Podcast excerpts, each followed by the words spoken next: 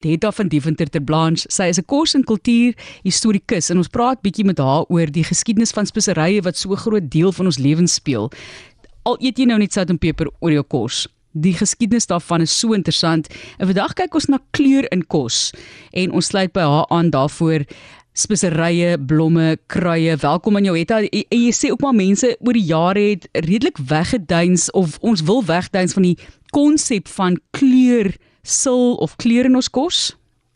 Middag Martelies. Ja, nee, ek dink enigiets wat 'n vorm waar, waar enige verwerkte kos of as ons hoor van iets wat uh, verwerk word of gekleur of gepreserveer word, dan rys baie mense se hare. Ehm um, maar dit hoef nie noodwendig negatief te wees nie want daar is baie natuurlike kleurmiddels beskikbaar. En jy weet dan dan vra jy nou maar hoekom moet ons dan kleer? Ek dink dit is net een is 'n baie eenvoudige antwoord want dit speel 'n baie belangrike rol in hoe ons die kos ervaar en die keuses wat ons as 'n verbruiker uitvoer. As jy byvoorbeeld jy weet iets wat nou sê net maar dis arbei gegeur. Dit sou mos nou vir jou vreemd wees as dit nou blou is of as jy nou 'n eier gereg wil eet en dis nou 'n pers gereg. Jy weet dit maar lees ons eet maar net met ons oë, ons visuele persepsie kan dit kan jou smaak oorheers. As jy byvoorbeeld, jy weet is nou lekker waterlemoentyd en jy het 'n in 'n lekker sappige waterlemoen in. Maar daai waterlemoen is nou nie so soet soos jy nou gedink het hy sou so mooi rooi nie. Dan kan jou brein vir jou sê, "Man, hy is eintlik soeter as wat jy dit nou ervaar." So uh, wat ons sien is wat ons ervaar baie keer. So die geskiedenis daarvan kan jy vir ons 'n idee gee en jy gaan nou-nou ook praat oor mense wat hulle self met goud vergiftig. Ek dit is net belaglik die goed wat jare terug gedoen is.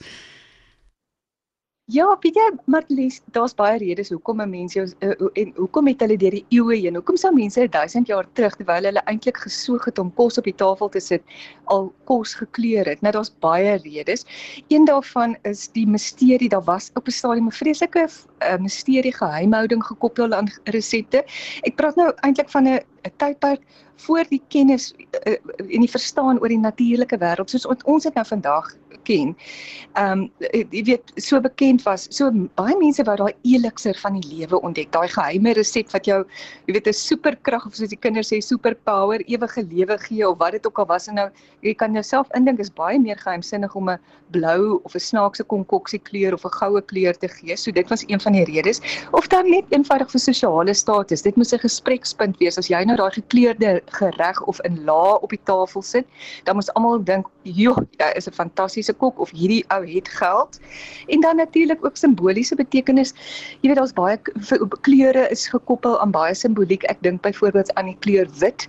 Ons is nou nog verkies eh, om baie keer in 'n wit trourok te trou want dit is dit simboliseer maagdelikheid. En dit was daarom ook in die eh, vas daar eh, in die tydperk wat die Rooms-Katoliek vas daar uitgeroep het, was wit kos byvoorbeeld baie gewild. Ek praat nou van die Rooms-Katoliek wat in Europa op 'n stadium die dominante ehm um, godsdiens was en vreeslike streng eetreëls gehad het. So nog 'n gevolg daarvan was jy as jy dit nou nie kan eet nie. As jy nou nie jy weet jy mag nou nie jou eier en jou suiwel eet nie, dan sou jy nou jou gehunker het na 'n 'n ehm, 'n eiervlaatjie en dan sou jy dit nou maar kleur met miskien 'n bietjie borrie, safflower, uh, saffloerblomme of saffraan. Daar was verskeie goeder soos viooltjies, kersies, roosblare, suuring, petersilie, paprika, borrie, saffraan, mosterd, tamaryn. Ag jong, dis 'n vreeslike lang lys van dinge wat hulle kon gebruik jelly. Ek wil hê my jelly moet so groen of so rooi as moontlik wees asseblief. Ja nee, ek dink eh, maar Tries ek stem saam. Dit dit laat my dink aan sulke gelukkige kinderoomblikke. Maar daar was 'n stadium wat ehm um, ek so sê die Europeërs eintlik 'n obsessie gehad het met jellies wat in absoluut fantastiese vorms ge, en groot, nie klein nie, groot vorms ge, was, maar verskillende lae op die tafel was. Ehm um, en jy sou nou eh, dan sê jy nou iets vat soos granaatsap of spinasiesap en jy moet nou onthou daai jelly het nie uit 'n pakkie gekom nie. Hulle moes vir ure lank jelly eh, kook deur beespote of varkpote af te kook is ingeskakel by 360 en ons volg die speseryroete met Etta van Deventer ter Blanche en ons kyk na kleur in jou kos. Sy het 'n bietjie gepraat oor die geskiedenis daarvan, maar watter kleure was nou oor jare baie gewild? Uh, jong dit hang mos nou uh, ek, ek sou sê alle kleure, selfs blou, weet jy 'n baie snaakse vreemde resep wat ek in 'n Suid-Afrikaanse resepteboek ehm um, gekry het was vir 'n blou vis. Nou waarom mense vis blou op 'n tafel wil sit, sou ek nie weet nie.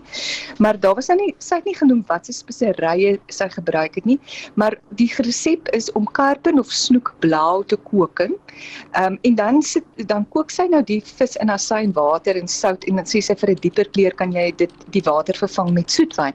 En ek dit was my so vreemd. Ek gaan soek toe nog sulke resepte en weet jy, ek kry toe so waar uit die 17de en 18de eeu nog sulke resepte in Hollandse en Duitse resepteboeke en die bekendste kok van die 18de eeu ehm uh, Davidus dame ehm um, 'n Duitse dame het toe verduidelik toe nou hoekom is dit hoekom hoe kry jy dit want die resep is nie duidelik nie mos nou maar soos hulle dit geskryf het sy sê dat ehm um, dit baie belangrik is om die vis so min as moontlik te uh, hanteer en met skibbe en al te kook ehm um, van dit is wat die uh, blou kleur gee. So ek neem aan daar moes 'n reaksie met tussen dit die slijmerigheid op die skibbe gewees het en dan nou die blou reaksie.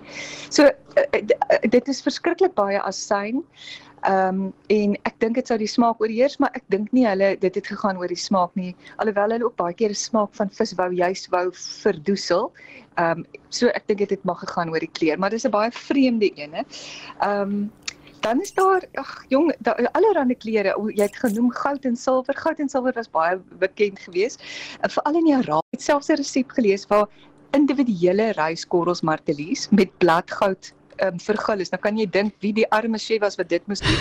So as ek nou 'n tipiese voorbeeld kan noem van hoe die Arabiere ons die kos sou doen dan sou ek sê hulle sou byvoorbeeld sê nou daai rysgereg sou hulle nou die uh, rooi ene met beet of granaatsap of wat hulle ook al sou gebruik het, spinasie of 'n uh, ander uh, groen ene en dan sou hulle nou wit rys, dan sou al drie in laag met hierdie vergulde korrels bo op gesit het. Vader. Ek weet bobotie is ook maar ja, bobotie is eintlik ook nog 'n ehm um, oorblyfsel van daai twee kleure, dis die geel bo op en dan die bruin onderlaag.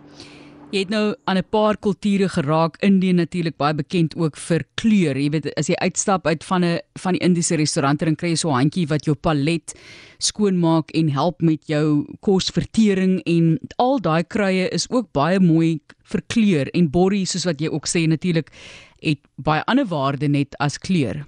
Ja, nee, natuurlik gesondheidsvoordele ook. So dit sou ook vir om medisonale redes gebruik word. Maar Indië het seker van die bekendste en of die kleurvolste um, kookkunste in die wêreld en ek dink ook aan Suid-Amerika waar daar baie kleur in in kos gebruik word. Weet jy wat is 'n interessante ene wat wat ek ook gelees het van? is ehm um, godepoeier in die middeleeuse resepteboek.